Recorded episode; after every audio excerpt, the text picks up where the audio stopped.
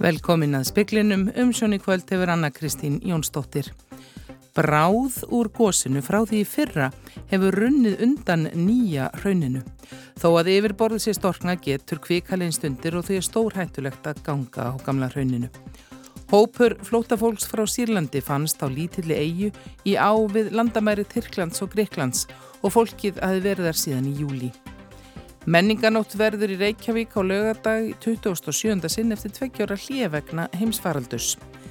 Það þarf samfélagslegt áttak til að sinna þarfum yngstu leikskólabarnana svo vel sé, segi doktor í menturnarfræði ungra barna.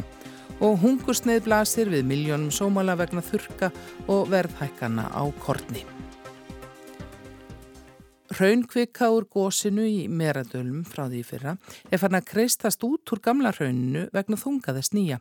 Þótt yfirborsi storknað getur bráðulinn stundir, þetta skapar mikla hættu og stórvarasamt er að ganga á gömlu raunbreiðinni. Við þessu varar eldfjalla og náttúru var hópur Háskóla Íslands. Á mynd sem hópurinn byrtir á Facebook má sjá hvernig síðst í rauninu hefur komið upp mikil spýja og nýrst hefur raunnið þanist út um nokkra metra. Þrýstingur frá nýjarhönnu sé svo mikill að bráð síðan í fyrra komi út af miklum krafti þegar skélhraunsins brestur. Hjördi Skuðmundsdóttir, samskiptastjóri hjá almannavörnum, segir hættulegt að fólk gangi á gamlu hraunbreðinni. Já, við höfum ágjur af þessu og höfum gert frá byrjun og ekki síst bara líka í fyrra, í góðsinu frá því fyrra.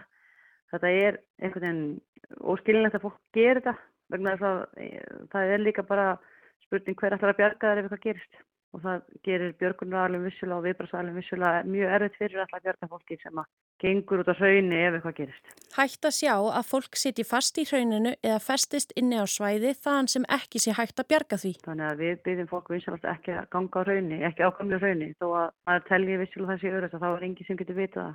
Mælingar jarðvísindastofnunar sína að mjög hefur dreyið úr hraunflæði. Undarfarna daga hefur gósópum fækkað og hrauntaumar hafa runnið skemur í meradölum en framan af. Ómögulegt er að segja til um á þessari stundu að mati jarðvísindastofnunar hvort góslokk séu nærri eða hvort nú sé aðeins tímabundi lámark í gósinu. Lokað verður að góðstöðunum á morgun vegna veðurs. Vegpostar verða við Suðurstrandaveg og allir sem koma inn á svæðið fá SMS skilaboð þar sem greint verður frá lokuninni. Ingi Björg Sara Guðmundsdóttir tók saman og talaði við Hjördísi Guðmundsdóttur og rætt verður við Magnús Tuma Guðmundsson í arðæðlisfræðing síðar í speklinum. Hópur flóttafólks fannst á lítilli ónemndri eigu við landamæri Tyrklands og Gríklands. Eitt barn lést á eigunni og þar var líka kona sem er langt komin á meðgöngu. 22 karlmenn, nýju konur og sjö börn hefur verið á eiginu síðan um miðjan júli. Fólki var flutt á meiland Greiklands en allt eða frá Sýrlandi. Eitt barn ljast á eiginu og er ein konan ólétt og langt komin á meðgöngu. Breska ríkisútarpið hefur eftir ráðamennum í Greiklandi að flótafólkið sé við góða heilsu en að konan sem er barnsafandi hafi strax verið flutt á sjúkrahúsi varuðarskinni. Nokkur óvisa hafði ríkt um staðsendinguhópsins og hvort Tyrkland eða Greikland ætti að koma til aðstóðar. Grísk yfirvöld hefðu upphaflega talið að fólki væri á tyrknisku yfiráðasvæði. Í frétt breska ríkisútarsprins er haft eftir einni koni í hópnum að fólkinni liði eins og fókbalta. Tyrkir og greikir sparki þeim á milli sín og að enginn vilji taka á móti þeim, hlusta á þau eða hjálpa. Rebecca Líf Ingadóttir sagði frá. Skurðgrafa fór í sjóin í höfnin á borgarfriði Eistra í morgun. Gröfustjórin komst sjálfur út og kom sér hjálpalust í land og sakaði ekki. Grafan var við framkvæmdir í smábótahöfni við Hafnarholm á borgarfriði. Talið að malarpúði hafi gefið sig undan beltum gröfunar svo hann rann í sjóin. Grafan maraði halvu kafi til að byrja með að fór svo öll kaf, í kaf á flóði síðdeis er enn í sjónum og verður dregin á þurft þegar færi gefst. Menninganótt í Reykjavík verður á laugadag eftir tveggjára hljevegna heimsfaraldus. Hátíðöldin byrjast nemma í ár því að reyna á að koma í veg fyrir skarkala fram eftir morgni. Miðborginni verður lokað fyrir bílaumferð frá klokkan 7 morgunin á laugadag. og keipis verður í strætó sem gengur í áttan miðbænum líkt og fyrri ár. Strætó starfrækir síðan svo kallar skuttlur frá Laugardal þar sem nóg er af bílastæðum og að Hallgrímskirkju. Í ár verður háttíðin haldin í fyrsta sinn síðan rafskútur ruttu sér til rúms í höfuborginni. Rafskútu fyrirtækin Hopp og Solo verða með sérmert svæði til að leggja skútonum. Þá verður hámarsræði hjólana takmarkaður við 10 km inn í miðborginni.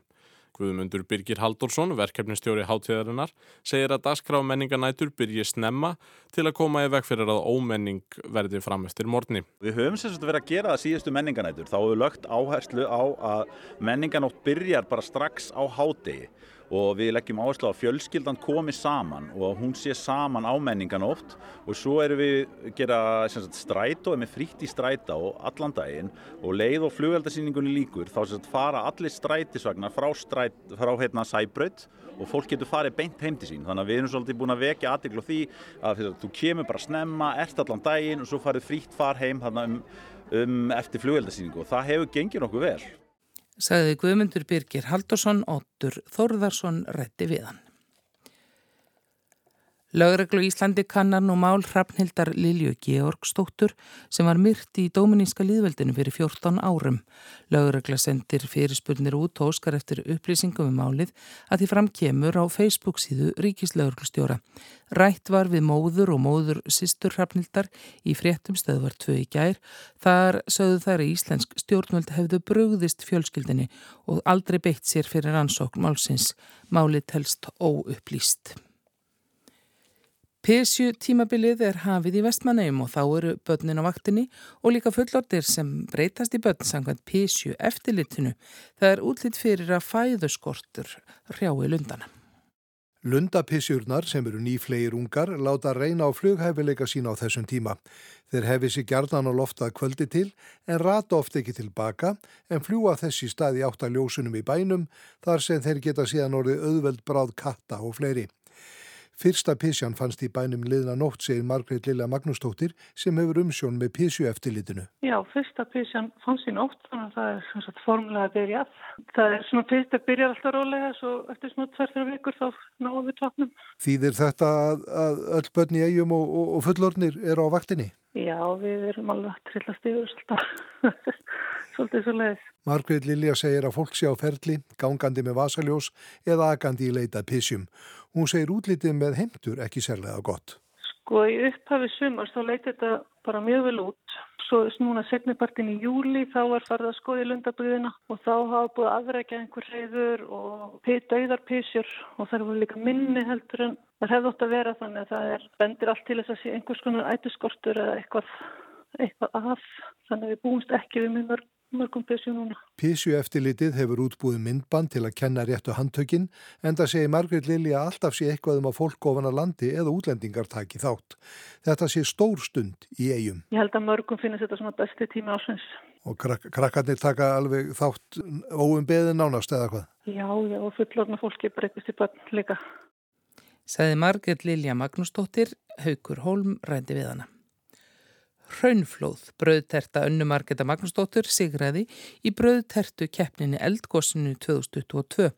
Erla Lindsdóttir og Erla Gísladóttir í bröðtertu félagi Erlu og Erlu bléstu til keppnar og voru 23 tertur skráða til leiks. Rævillin í Gjaldingadölum sem Sara Vilbergstóttir gerði varði öðru sæti og Hrauntungu Sistur eða Gjaldingadalir sem Linda Marie Blóm gerði var í þriðarsæti.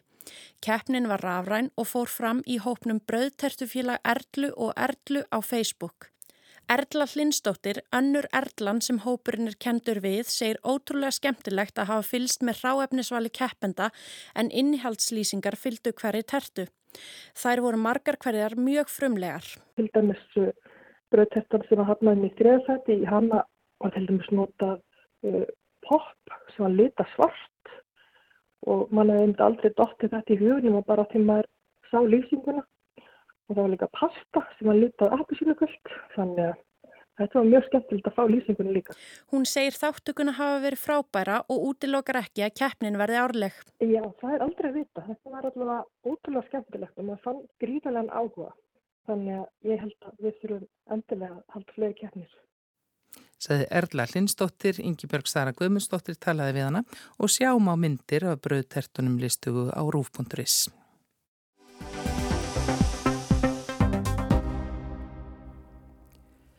Úrlaust leikskólamála verður að miðast við þarfir badnana en doktor í mentunafræðum ungra badna óttast að svo sé ekki. Á 700 badn, 12 mánuð eldri, er á bygglista eftir leikskólaplási hjá Reykjavíkuborg. Krafan um leikskólapláss fyrir börn frá 12 mánuð aldri er háværum þessar myndir, kannski skiljanlega. Í aðdraganda sveitarstjórnarkostningana í vor var fóreldrum í Reykjavík lofaði að öll börn, tólmannað og eldri, skildi fá pláss á leikskóla í haust. Nú er ljóst að það mun ekki standast. Hrönn Pálmadóttir, dósend við deild kennslu og mentunarfræði við mentavísindas við Háskóla Íslands, segir að ráðasturfi í samfélagslegt átak til þess að sinna þörfum yngstu barnana betur. Undarfarin svona áratug eða tvo hefur rannsóknum sem að beinast að því að reyna að skilja sjónarhótt barna og þar sem að verður að reyna að horfa á lífið út frá sjónarhóttni barna, þeim hefur fjölgað og sömulegis hefur barnasáttmáli saminuðu þjóðuna haft mikil áhrif og það, það tengist þessum rannsóknar sjónarhóttni og það kemur fram til dæmis í einni greininni þar að ákvarðanir yfirvalda skuli byggjast á því sem barni er fyrir bestu. Og það er mikilvægt í því samengi að horfa til þess hvað segja börnin okkar, hvernig getur við einhvern veginn nálgast þeirra sjónarótt og það er meðal annars þetta sem ég hef lagt áherslu á í mínu rannsóknu, það er að reyna að elda börnin og sjá reyna að skilja þeirra upplifun yfir daginn. Hrönn segir engar skindilösnir til við því flókna verkefni sem umönnun og mentun yngstu leikskólabarnana sé. Áherslan megi ekki aðeins vera á að koma fórildrum aftur út á vinnumarkaðin.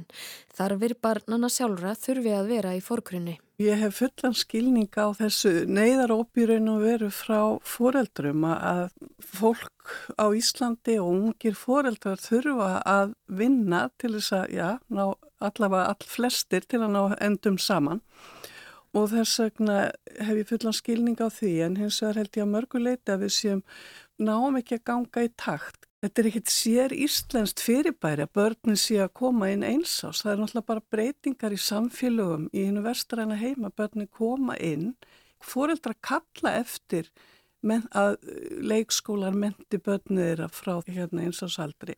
En kannski það sem er sér íslenskt fyrir okkur það er þessi langa viðvera og það, ég held að það sé ekki, sko, það sé fáir foreldra sem óskaði sem til að hafa barnið sitt í átta til átta og halvan tíma á dag.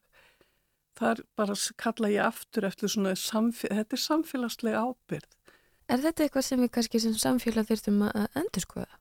Já, það, þannig að, að foreldra væri gert kleift að vera lengur heima með börnunum sínum eða að stitta á daginn þannig að fólk kæmist þokkalega að, hugsalega þarf fólk að endur skoða lífstíl sín, ég, ég að ná ekki að fara út í þá sálma en, en það er svona, ég mitt eftir í hugsk bara ríkisvaldið og fæðingar og, og foreldraorlofi, væri að lengja það, er það mál sem við ættum að fara að horfa til?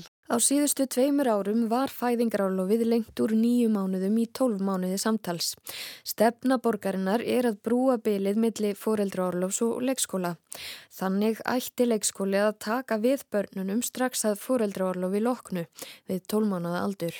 En það hefur ekki tekist og svo til þess að það takist og þetta verði uh, kannski ákjósanlegu kostur að þá vant vantar ímislegt upp á. Til dæmis eins og margir hafa benda og ég þarf ekki að endur taka það er þessi mönnunavandi í leikskólum og við erum að tala um börn sem eru eins ásettir viðkomasti hópurinn okkar. Þetta eru börn sem já, umfra auð, auðvitað þurfu öll börn á hverjum stöðuleika en, en þessi hópur eh, stöðuleiki skiptir gríðarlega miklu máli þessi fyrstu ár og fyrstu mánuði barsins þegar það fer að heiman. Þannig að ég hef svona verulegar áhyggjur af því hvernig okkur tekst að bara gera leikskólan að raunverulega góðum mentakosti fyrir þessu ungu börn og ég held að þurfið svona bara samfélagslegt átak til þess. Sumir hafa sagt að það er ekkert tækt að líta á þetta sem einhvers konar mentastofnun, þetta er bara geimsla fyrir börnin. Er það svo með svona lítil börn? Bara rannsóknir sína að þetta getur verið góð mentastofnun. Það þarf ímislegt til. Til dæmis fagfólk sem þekkir þroska og nám, hvernig nám þessara ungu barna fyrir fram. Það er ekki nóg bara að byggja leikskóla til þess að koma börnunum inn. Áhersla þurfi að vera á að fá til verksins fagfólk sem kann að bregðast við tjáningu svo ungra barna. Því hún, segir Rönn, sé sannarlega til staðar, þótt orðin séu það ekki. Þá skipti líka máli að hópar þessara yngstu barna séu ekki og fjölmennir. Og að ég kunni að bregðast við tjáningu þeirra. Þetta eru börn sem ekki eru farin að nota tungumálið, sem sína aðal tjá skipta leið og þau eru á máltöku skeiði. Þannig að þarna þarf fólk að kunna til verka. Það þarf að kunna skipulegja starfið þannig að það veiti hverju barni tækifæri til náms og þroska. Og svo eru aðrir þættir sem að svona kannski hröð uppbygging, eða ég óttast að svona hröð uppbygging verði að þessi pressa leiði líka af sér að það eru settir að barnahópanir á fjölmennir sem að dregur úr þá möguleikum að geta brúðist við hverju og einu barni af þeirri fagmennsku sem að bara reynlega leikskólinn þarfa að standa fyrir. Hrönn segir mjög mikilvægan þroska eiga sér stað hjá börnum á aldrinum 12 mannaða til 24 mannaða. Þau séu alls ekki bara óvitar sem þurfi að passa að fari sér ekki að voða. Það er gríðarlega mikið sem gerist þarna þessu ári gríðarlega mikið og það sem hefur gerst í, í svona fræðaheiminum að eftir að þau fóra að koma inn svona ungin í leikskóla og ég er ekki bara að tala um hér á Íslandi heldur að þá, þá líka hefur komið í ljós hversu sko hæf og virk og viljug til náms þessi ungu börn eru. Það kannski áður var, voru þau svona litið á þau sem svona Já, bara við höfum séð hversu færðu eru en við verðum líka um leið og við erum að tala um hversu hæfðu eru þá er þau líka gríðarlega viðkvæm. Þannig að það gerist mikið með góðum stuðningi þarna á þessu ári og svona heilaransóknir sín okkur að samskipti og þessar tengingar sem á, eiga sér stað í heilanum og að samskiptu og, og svo umhyggja sem börn upplifa á þessum fyrstu árum og þá er ég ekki bara að tala um millir eins og tveggjara heldur bara á þessum fyrstu árum sínum sem að má kannski segja sé bara allir leikskóla aldurinn og fyrstu árin í grunnskóla líka að það er, er þau skipta samskipti og svo umhyggja og sá stuðningu sem börnin fá á þessum árið þau skipta gríðalegu máli bara fyrir lífstíð. Þar likur líka þessi hversu mikilvægt að er að gera þetta vel og að fagmennsku. Saði Hrönn Pálmadóttir, doktor í mentunafræðum, Hafdís Helga Helgadóttir talaði við hana.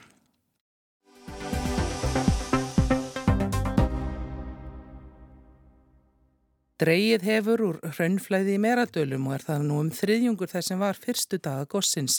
Jarðvísindastofnun segir þó að óvisa sé mikil þegar mælingin er til skamstíma að ekki verði umvilst að mjög hafi dreigið úr gossinu. En það er ekki hægt að skera úr um hvort í líkur senn eða hvort þetta er tímabundin lægð. Magnús Tumi Guðmundsson, jarðeðlisfræðingur, var statur nýrst í endu í Myrdalsjökli við rannsóknir þegar rætt var við hann í dag. Enda myndaðist á Ísöld við gósi köllu. Magnús Tumi segir ekki sé alltaf hægt að leggja allt frá sér þó að gjósi eins og gert hefur nú í aðra viku á Reykjaneskaga en samanburður við gósið í fyrra er alltaf nærtækur þegar talað er um gósið þar. Hvað var þar virknina í gígonum og rauninu þá er þetta eins. Staðsetningin er mjög svipuð en þó ekki alveg eins og uh, þetta er framhald af hinnu og fyrsta kvikan sem kom upp var svona leif sem var búin að liggja á frekar litlu típi en hún er farin og nú er að koma upp efni sem er vist alveg eins og það sem að uh, kom upp í góðsinn uh, í þeirra þannig að þetta er framhald. Það hefur nú ekki hefðað sér kannski alveg eins hvað það var það var mun svona kröftúra í upphafinu svona fjórum-fimmsum öflúra en síðan hefur dreyið úr því svona hægt og sígandi. Nú er það orðið eins og hitt var minnst. En hvort að það við erum að sjá eh, endan á þessu eða hvort þetta er bara tímabindið lægði í góðsinu, það er ómulett að segja þessu stíi. Það er eins og góðsi í fyrra kend okkur að það er mjög erfitt að segja til um hvernig svona, hversu svona lengi varir við getum sagt ef að svo þróun sem við erum búin að horfa á bara svona minkandi raunreynsli ef að það heldur áfram þá er ekkit, sama ræða, þá er ekkit mjög margir dagar eftir. Hins vegar sé enga að treysta í því, gósi gæti alveg elst aftur en vandi er um slikt að spá. Hefur aukin virkni á Reykjaneskaga eitthvað að segja um virkni í öðrum eldstöðum í landinu? Ég held að stöðtarsvæði við því sé nei. Gósagan sínur okkur að það er ekki, ekki þannig að, að, að, að það sé beint tengsla á milli atbyrð á einum stað og öðrum. Þetta er svona mál að við sjáum í, í norður góðspeltinu þá er það aðeins mismunandi hvaða eldstöðakerfi glínunu verður um. Það var í Kröplu fyrir 40 árum og það var í Öskju fyrir 140 árum og svo á átjöndu öll þá var það í, í Kröplu. Þannig að það skipta svolítið á og það sjáum þetta líki í vatnajökli, Grímsvörn gjósa langu oftast en eh, Barðabunga tók kip á fyrir þetta átjöndu aldra og þá heldur Grímsvörn sögum ottunni þannig að það verður nú einhver tenging þannig en að allt svona, það er einhvern veginn föður upp all landi, það, er, það bara er ekki þannig. Það sem stýrir þessu er tvent, það er mötulstrókurinn undir landinu sem veldur því að við yfir höfum verum hérna og það er þessi eiga og síðan er það landreiki sem er um 2 cm ári í glinun og kveikan þarf að fylla í þetta og í megin dráttum þá er þetta svona sveipað millir alda. Það koma að vísu mjög stórir atbyrðir á nokkuru þundur ára frest eins og skartareldar og, og slíkt. Það er bara eitthvað sem fylgir því að, að vera hér og, og við við fengum svona mínu útgáfa því í, í Hólurhraunni. Það er stærsta góðs síðan já, í skartareldum en þó miklu minni skattaröldar. Þannig að eh, við erum ekki að draga þá aldun. Á Reykjaneskaga eru stóru fréttinara, hann er byrjaður eftir 800 ára hlje og að það gís við Færadalsfjall þar sem ekki hafið gósið í 6.000 ár. Reykjaneskagin er svona frekar mildur, hann eh, er ekki eins mikilvirkur í framleiðslu eins og, eins og Östur gósbeltið og ef við skoðum síðasta gós uh, þá voru kannski að meðaltali 20 ára á milli gósa en það dreifist ekki í aftur að komu einmitt svona tímabil svo voru við að elda og svo voru ég að byrja tímabil sem ekkert góðs í 100 eða 150 ár.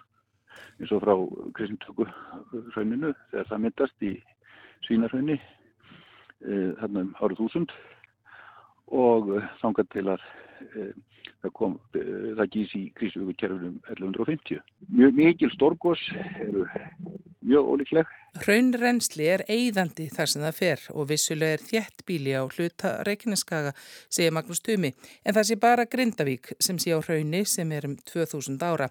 Lang flestir aðri staði sé á miklu eldra bergi og hætta á hraunrensli lítill. Hraun gæti runni í sjó og tekið af Suðurstrandarveg og það gæti mögulega flætt til norðurs en Magnús Tumi til að nánast útilokað að það gerist á sama tíma báðu megin og þessu engin dæmi. En þetta geti gerst með einhver ára millibili. Og þá má spyrja sig er það er mikið katastrófa vegur færi ég er nú ekki alveg sem að eigum að horfa það þannig. Við höfum reynslað því að brýr fara og hlaupum. Það var nokkra vikur eftir hlaupið á Skjæðarsandi 1996 og það var nú vegurinn lokaður. Og uh, þá bara taka því og þegar að gósi líkur þá er ekki þannig svo langu tími þá hættir að ríða nýjan veg. Það er einslega fyrir þessu frá hafa í til dæmis og, og viðar og við höfum bara anda með nefnu og reyna að hafa innviðan okkar þannig að það er þó litaluvert. Við getum ekki reikna með því aldrei skemmist neitt saði Magnús Tumi Gumundsson, professor í Jærðælisfræði við Háskóla Íslands.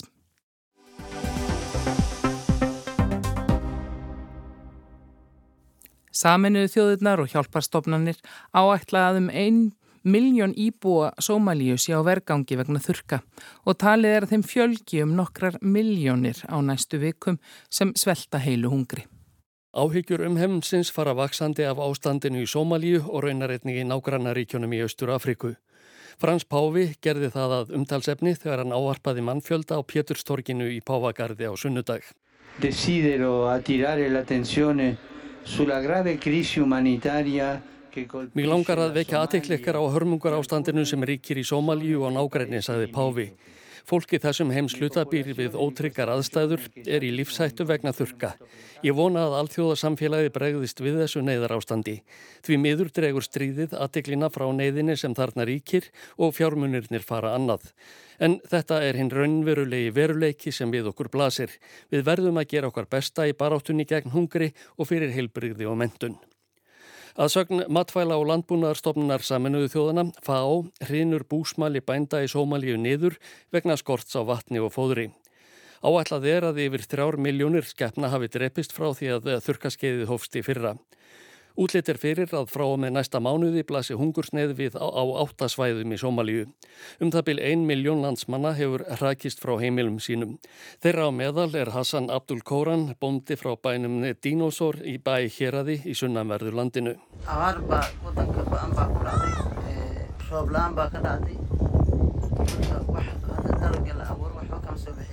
Allar skeppnurnar drápust og þó að ég reyndi að sá fyrir einhverju sprattaði ekki vegna þurksins, eh, segir Hassan Abdul Koran.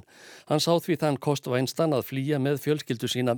Þau eru komin til bæjarins Dolof á 400 km frá heimilið þeirra og vonast eftir að fá aðstóð þar. Flótamannastofnun saminuðu þjóðana og flótamannaráð Noregs greindu frá því fyrir helgi að um það byl 1 miljón sómala væri á vergangi vegna þurkaskeiðsins sem hófst í janúari fyrra. Sérfræðingar flótamannastofnunarinnar og flótamannaráðsins áætla að þeim fjölgi úr 5 miljónum í sjö á næstu mánuðum sem eiga á hættu að verða hungurum orða. Þetta kom fram þegar Stefani Júriak, talsmaður aðal framkvæmda stjóra saminuðu þjóðana, greindi frettamönnum í höfustöðvanum í New York frá stöðum ála í Somalíu. UNHCR and the National Refugee Council noted that the number of people facing crisis hunger levels in Somalia is expected to rise from 5 million to more than 7 million in the coming months. Ástæðan sagði Júrarik að væri loftslagsbreytingar og hækkandi matarverð vegna stríðisins í Úkrænu. Hann sagði að flótamannastofnunin hefði í júni óskað eftir 9,5 miljónar dólar af fjárframlægi til að koma þeim sómölum til aðstóðar sem hefðu flosnað upp frá heimahögum sínum. Talsmenn hjálparstofnana segja að miklar hörmungar blasi við í Sómalíu verði fólkinu ekki komið til hjálpar. Ella sé hætta á að harmleikurinn frá árinu 2011 endur tæki sig. Þá sultu 250.000 manns til bana, þar af helmingurinn börn. Alþjóðaráð Rauðakrossins hefur byrt gögn sem sína að vannæring vex hröðum skrefum í landinu. Í aprílmánuði einum jógst hún um með 265%. Rauðikrossin tekur undir með sérfræðingum samanuðu þjóðana að alltaf 7 miljónir landsmanna sé við hættu. Verst er ástandi sagt vera í höfuðborginni Mogadishu og í suðvestur og miðluta landsins. Þurkarnir eru ekki eina vandamáli sem sómalar þurfa að glíma við um þessar myndir. Innrás rúsa í Ukrænu hefur valdið þeim miklum erfileikum. Fyrir innrásina fluttu sómalar að mestu leiti inn kornvörur frá Ukrænu og Rúslandi. Þótt tekist hafið að liðka fyrir útflutningi frá löndunum hefur verð á korni markvaldast. Sömusögu er að segja um áburð og verð á eldsneiti hefur einnig hækkað. Fleiri lönd í heimslutanum glíma við erfiðleika vegna þurka um þessar myndir. Matvæla áætlun saminuðu þjóðana varar við því að fjöldi sveltandi fólks á Somalíuskaga eða á Afrikuhorni eins og skæinir einni nefndur verði á bílinu 14 til 20 miljónir fyrir árslokk. Samtökin óskuðu eftir því við G7 ríkin að þau legðu fram 21 miljard dollara til að koma fólkinu til aðstóðar. Þau fengu lofórð um fjóra. Ásker Tómasson saði frá. Veðurhorfur á landinu til miðnættis annað kvöld eru þær að gul veðurviðvörn tekur gildi í fyrramálið á Suðurlandi við Faxaflóa og á miðhálendinu og ekkert veður verður til útvistar að sögn veðurstofanar. Já, hvað þá gönguð að góðstofunum enda verður göngulegunum loka þar á morgun. En hann gengur í suðaustan kvassviðri eða storm, sunnan og vestanlands á morgun með talsverðri rigningu, annars hægari og úrkomu minna. Það dregur svo úr vindi síðdeis og kólnar heldur. Og fleira er ekki í speklinum í kvöld. Tæknum aður í útsendingu var Kormákur Marðarsson veriði sæl.